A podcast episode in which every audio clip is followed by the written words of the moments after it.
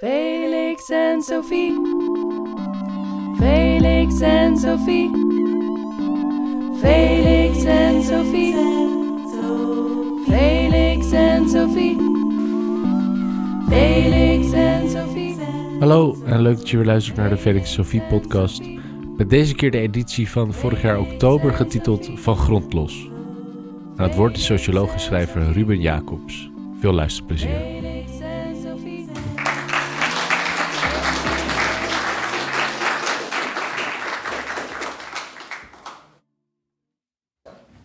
Ehm, ja, heel dank voor deze mooie inleiding. Eh, het, het veld is mooi geschetst en ook het vraagstuk, denk ik, en ook de richting eh, waar jij opdenkt, die, eh, ja, die ligt wel in lijn met ook waar, waar ik me toe verhoud. Ehm, voor vanavond heb ik een wat meer persoonlijkere insteek gekozen voor mijn verhaal. Ehm, ook om, denk ik, dat van dat macro dan ook naar dat microniveau te gaan. Ehm, en ehm, ja, volgens mij, eh, Justin gaf het net ook al aan. Ik zit inderdaad eh, tegenwoordig ik in, een, in een moestuin. Een zorgtuin eigenlijk. Ehm, eh, en daar wil ik straks ook nog wat over vertellen. Over mijn ervaringen in die zorgtuin.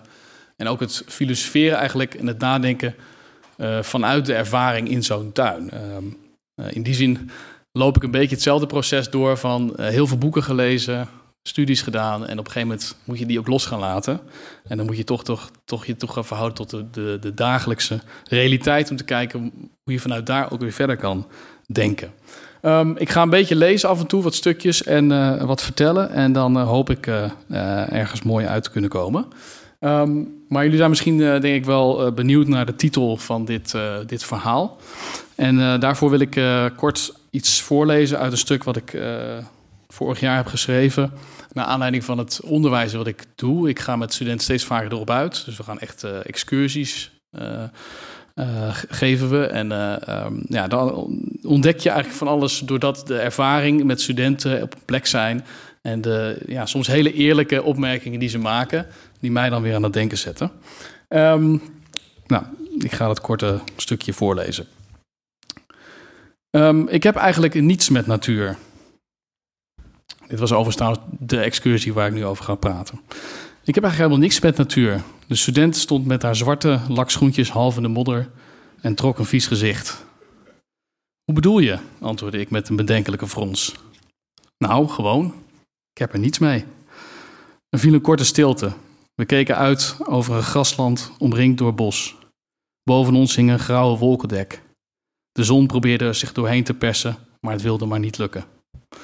Mijn plan was om studenten meer in contact te brengen met de natuur, ecologisch te leren denken. Een boerderij aan de rand van Nijmegen, bodemzicht is het overigens, ehm, waar met de natuur wordt samengewerkt in plaats van er tegen, leek mij een uitstekend eh, vertrekpunt. Maar haar onverbloemde ontboezeming, een die gepaard leek te gaan met een ogenschijnlijk gebrek aan schaamte, bracht mij aan het wankelen. Meende ze dit nou echt? Had ze werkelijk geen interesse in een, wat voor, ja, waar ze zelf uit voortgekomen is? Of was dit een individuele uiting van een bredere cultuur van natuurvervreemding? Die laatste gedachte bleef de weken daarna bij mij hangen. Haar opmerking stond immers niet he- helemaal op zichzelf. Er waren meerdere studenten die een soortgelijk sentiment, zij het in lichtere, subtielere vorm, uiten. Natuur was, is voor veel van mijn verstedelijkte studenten iets wat je af en toe bezoekt. Wat op afstand staat, waar je heen gaat, eh, maar niet inwoont. Wat buiten jezelf staat. Ergens diep van binnen weten ze wel dat dit een vreemde gedachtegang is, maar dat maakt het niet een minder reële, geleefde ervaring. De student in kwestie deed me ook denken aan mijn jongere zelf. Ik had rond die leeftijd ook weinig met natuur. Ik was een cultuurmens, zoals je dat noemt. Ik hield van kunst, muziek, sport, menselijk gedoe. De natuur bezocht ik wel, maar dat was veelal oppervlakkig van aard. Ik zag het als een prettig decor, een omgeving waar je doorheen kon lopen, fietsen, zonder al te veel oog te hebben voor de verschillende kleuren en geuren. Eh, in feite was ik natuurblind. En al helemaal bodemblind. Inmiddels ben ik niet meer die jongen van toen. Eh, dat heeft alleen misschien enigszins te maken met dat ik ouder ben geworden en vader. Maar ook, denk ik, met een persoonlijk on- proces van ontwaken, van bewustwording. Uh, ingegeven ook door de verontrustende staat van onze planeet. Door het beest echt in de bek te kijken en de wanhoop, de angst, de woede, en rouw erover toe te laten, ben ik veranderd. Ehm, ja, dit was dus die excursie eh, waar het om ging. En eh, ja, de student, de, de desbetreffende student, die staat er niet op. Ik eh, bescherm haar voor haar eigen opmerkingen, maar ik gebruik haar dus wel tegenwoordig. Ehm, en ik kom daar straks nog even op terug, want dat heeft nog een staartje. Ehm, ja, in, in, in mijn persoonlijke leven ben ik op een gegeven moment ja, op gaan zoeken, ook tot ik tot die realisatie kwam. Ik ben eigenlijk heel erg blind geweest. Ik heb, ik heb, een, ik heb zelf sociologie gestudeerd. En sociologie, daar krijg je ook het idee van hier aan de UvA overigens.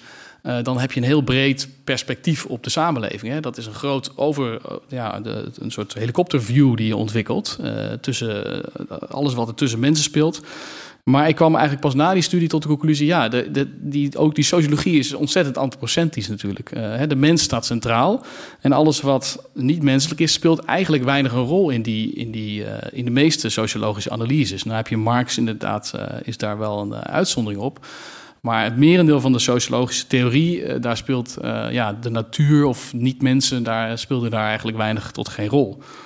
Uh, op een gegeven moment kwam wel Bruno Latour op. En dat was dan, ja, was het een socioloog, een filosoof. Nou, in ieder geval, die begon wel allerlei rare dingen te zeggen. En uh, dat werd ook heel lang als raar gezien. Maar inmiddels uh, is dat wel veranderd. Um, maar ik ben dus in mijn eigen leven ook van alles gaan doen. Om te zeggen, ja, ik wil mijn denken ontwikkelen, mijn, mijn houding tot de aarde. maar dan moet ik dat misschien ook praktiseren. En vanuit die praktijk komen dan misschien ook nieuwe ideeën.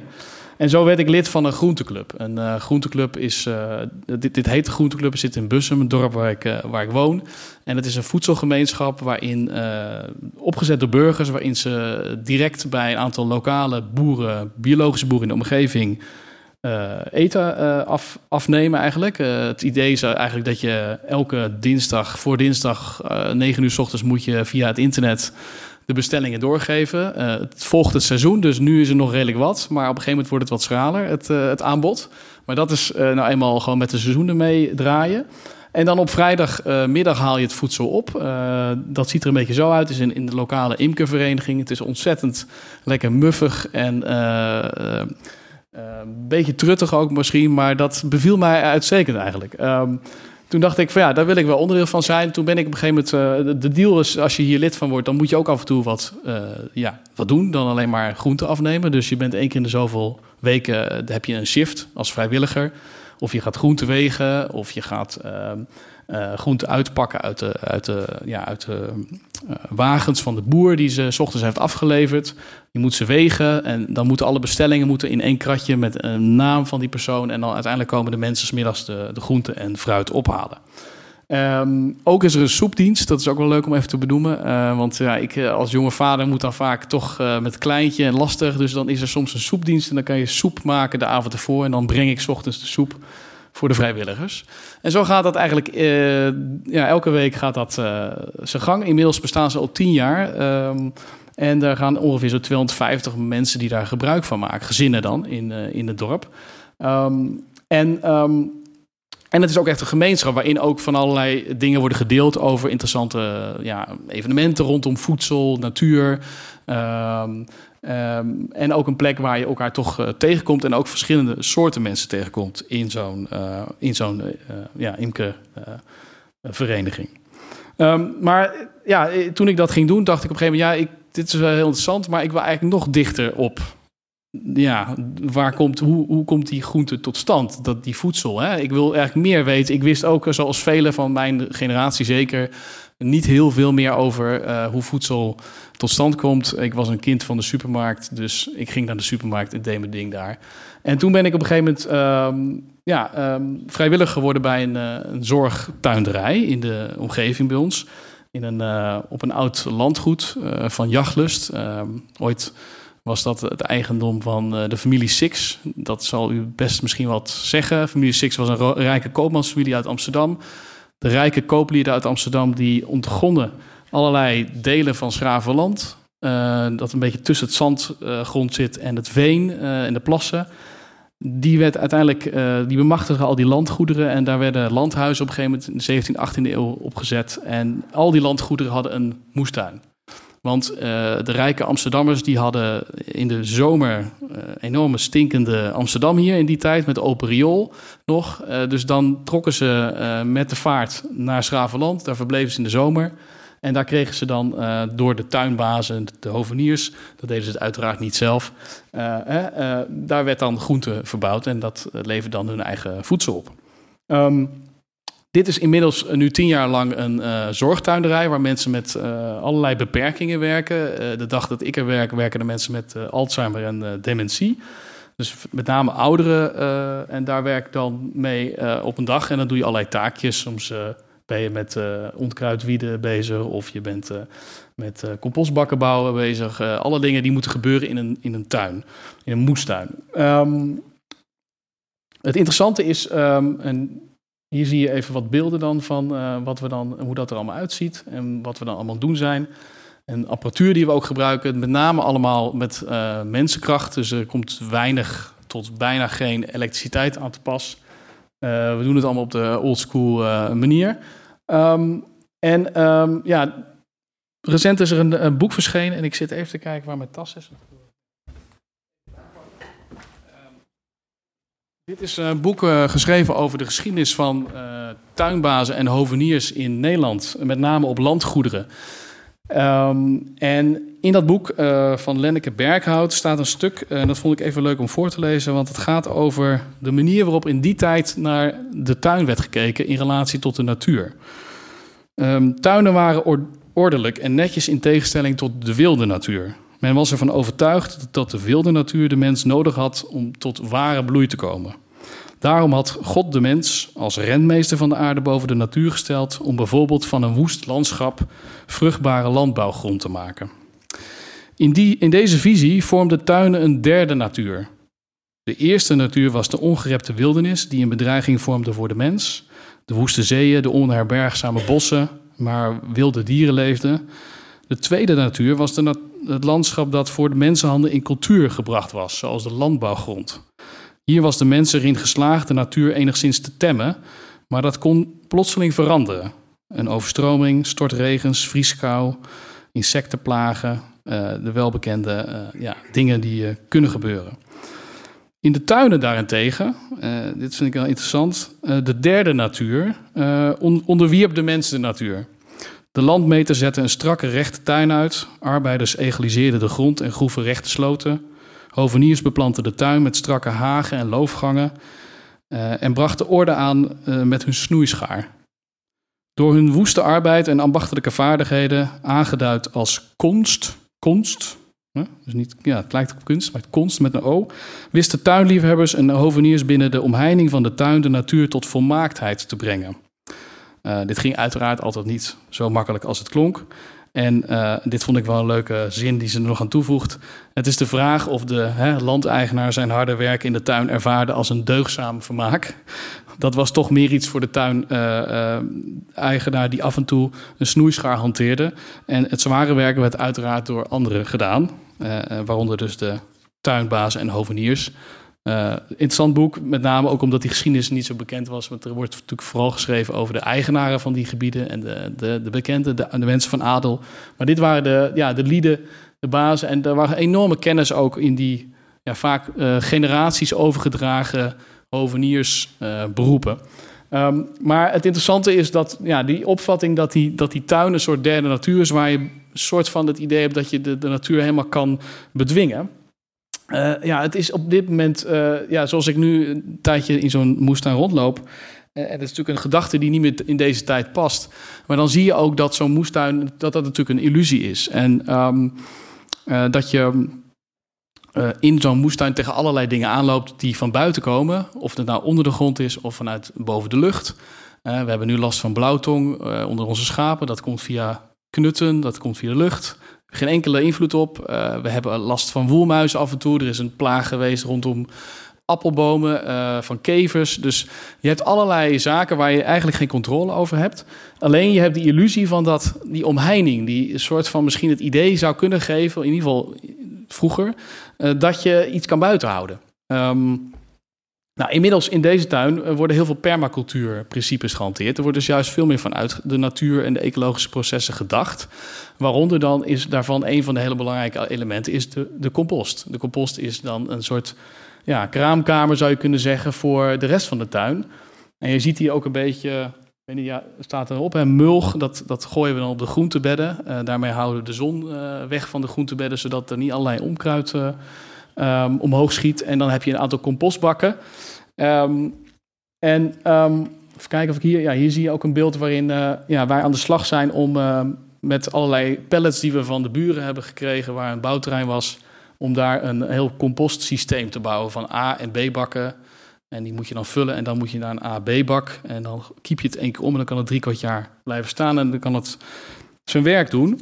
Ehm, en daar wilde ik ook kort iets over, iets over voorlezen. Want het is ehm, iets wat ik eh, eigenlijk afgelopen dagen heb geschreven. Want nou, ik ben dus bezig met een boek over deze tuin. En soms dan heb je de motivatie even niet. En dan dacht ik, nu heb ik weer even goede reden om iets op papier te zetten. Want ik moet iets eh, ja, voordragen. Dus dat heeft me wel even geholpen deze avond om toch weer wat stappen te maken. Eh, dus ik ga het even testen bij jullie. De geur van compost, eh, dat heeft iets bedwelmends. Elke keer als ik voor een compostbak sta, kan ik het niet nalaten om mijn neus er even in te stoppen.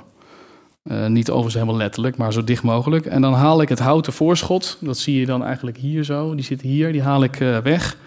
Waardoor je de diepere lagen van de compost ja, gaat zien. En dan snuif ik de geur van ontbinding op. Het stinkt een beetje, maar het is ook heel aangenaam eh, om te ruiken. Althans, dat vind ik. En dat doet een beetje denken aan een vochtig herfstbo- herfstig bos. Hè? De geur van rottende bladeren, houtachtige humus, andere organisch materiaal op de bodem. Aardse, dan, dat wordt het eh, eigenlijk niet. Deze typische geur van compost ehm, is afkomstig van verschillende organismen en verbindingen en gassen die vrijkomen bij de afbraak. Zoals amines, alcohol, eh, zuren, etc. En daar heeft Michiel net ook al van alles over verteld. Maar er zit dus zo van allerlei leven in die, in die compost. Hè? Eh, bacteriën, schimmels, nematoden, gisten, wormen. Ik heb half geen idee wat er allemaal leeft, maar je ziet van alles. En ik zie ook steeds nieuwe dingen die ik nog nooit eerder heb gezien. En dat ga ik dan opzoeken. Wat, wat heb ik gezien? En dan is Google Lens in die zin wel handig. Ook al zou ik misschien iets anders moeten gebruiken dan Google Lens. Maar ja, het werkt wel. Ehm, kortom, een bondgezelschap van micro-organismen eh, en bodemdiertjes die hun tanden in dat tuinafval zetten. Eh, en deze mits op de juiste manier opgebouwd uiteraard. Je, je moet een beetje afwisselen tussen bruin en groen afval. En dan een soort lasagne-methode, waardoor je ja, een bepaalde kwaliteit van compost krijgt en zuurstof en koolstof. eh, zodat het zijn werk kan doen. Ehm, een compostbult die goed is opgezet is net een buik, schrijft eh, tuinier Jan Graafland. Hij vertoont een mooie ronding, gedijt het beste op voeding, vers biologische groenteresten en zijn inwendige verteringsprocessen lijken sterk op die van een buik.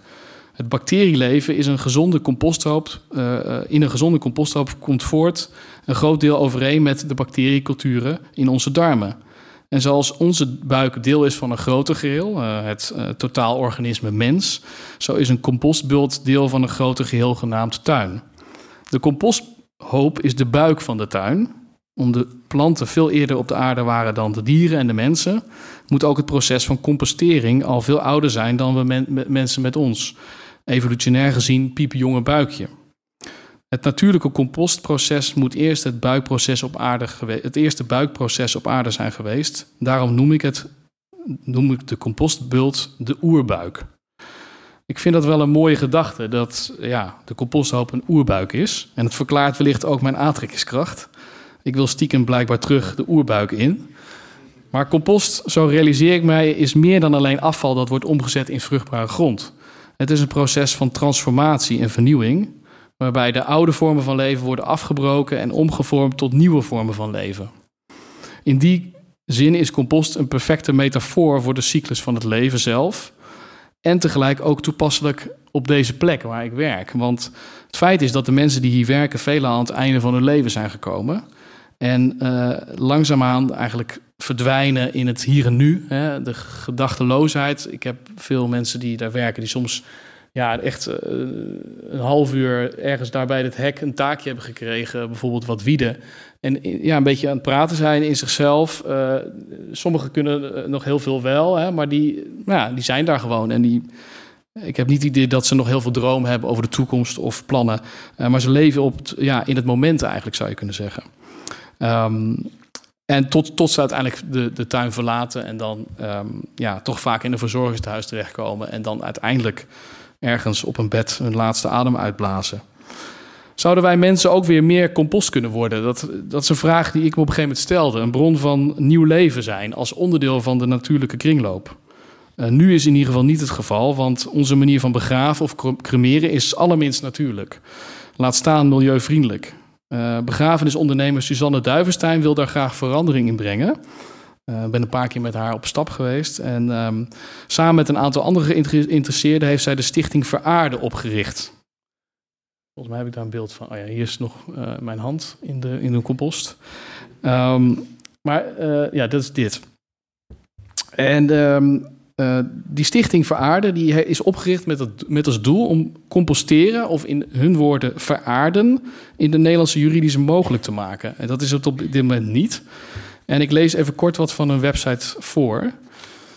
Uh, veraarden is een gecontroleerd proces waarbij het lichaam van de overlevende, overledene transformeert tot een voedzame aarde. Het wordt ook wel humaan composteren of humusatie genoemd. Een overledene wordt daarbij in een bed gelegd van organisch mengsel met onder andere hooi en stro, waar zich micro-organismen in bevinden die ons lichaam verteren. Een ritueel heeft, het ritueel heeft veel gelijkenissen met begraven, maar een belangrijk verschil is dat veraarden bovengronds gebeurt. Ook vindt het veraardingsproces doorgaans plaats in een afgesloten cabine. Het kan overigens ook buiten in een composthoop, schijnbaar. Dat schijnt alleen langer te duren dan op deze manier. Uh, zo kunnen de omstandigheden van uh, het veraarden ideaal gehouden worden. Afhankelijk van de methode van veraarden duurt het transformatieproces, en dit vind ik wonderlijk, zo'n 40 dagen. En dan is het lichaam helemaal gecomposteerd, inclusief het verfijnen van de nog resterende botten. Het eindresultaat is een voedzame aarde, ook humus of supercompost genoemd. Rijk aan allerlei mineralen, hè, die, die zitten natuurlijk in ons lichaam, um, om bomen mee aan te planten en nieuw leven mee te voeden. Als eerste plek ter wereld heeft de Amerikaanse staat Washington in april 2019 Natural Organic Reduction toegestaan. Het composteren van dode menselijke lichamen tot vruchtbare humus, die wordt ingezet om plaatselijke natuurgebieden te herbebossen. Ja, dit is next level.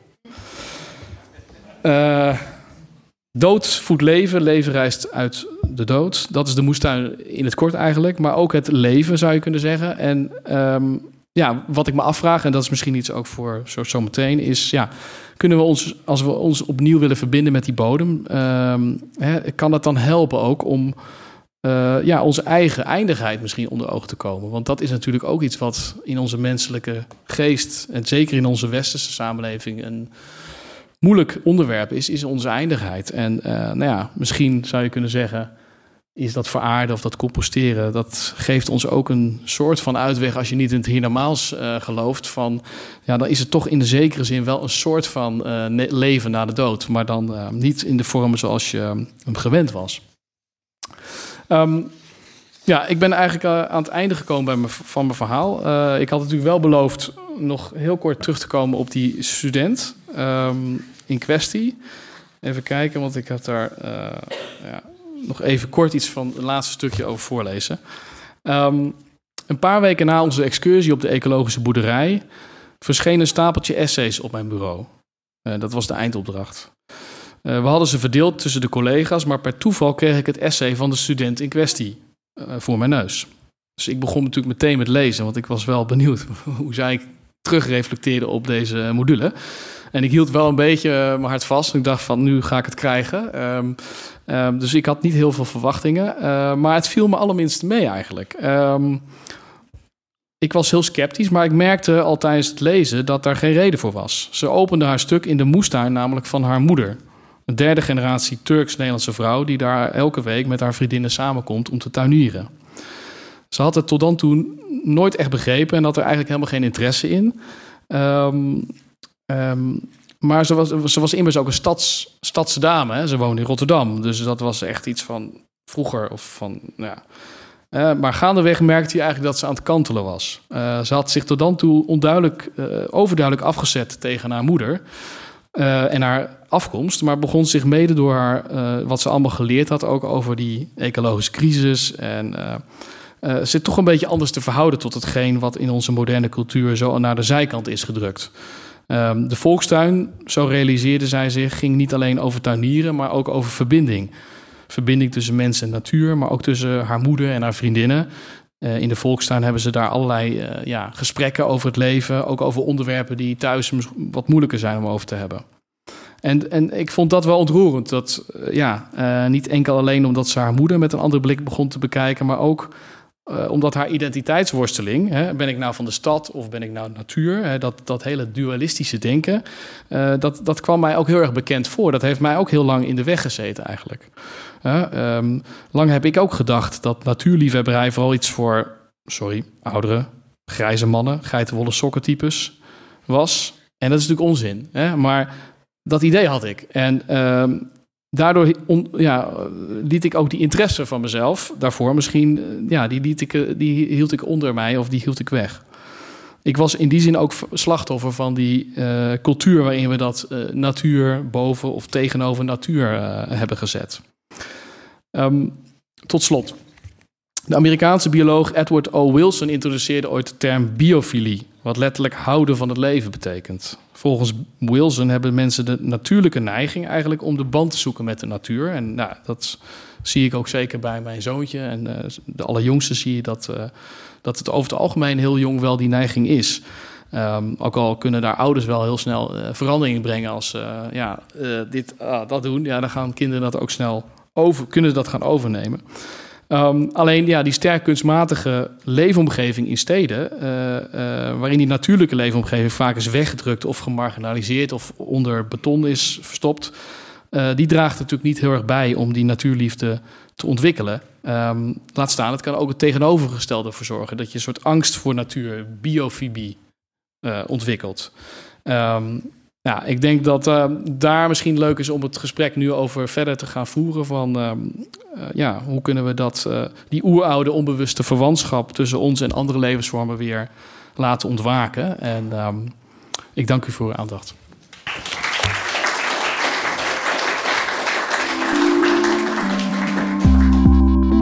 Deze opnames werden gemaakt in de theaterzaal van Boekhandel Perdu op de Kloveniersburgwal in Amsterdam. Wil je ook een keer een editie bijwonen? Dat kan. Iedere derde dinsdag van de maand zijn we terug. Aankomende derde dinsdag, namelijk 20 februari, zijn we er met de editie getiteld Impassenverslaving, waarom er niets verandert. Met sprekers Arthur Eaton en Erik Swingedouw.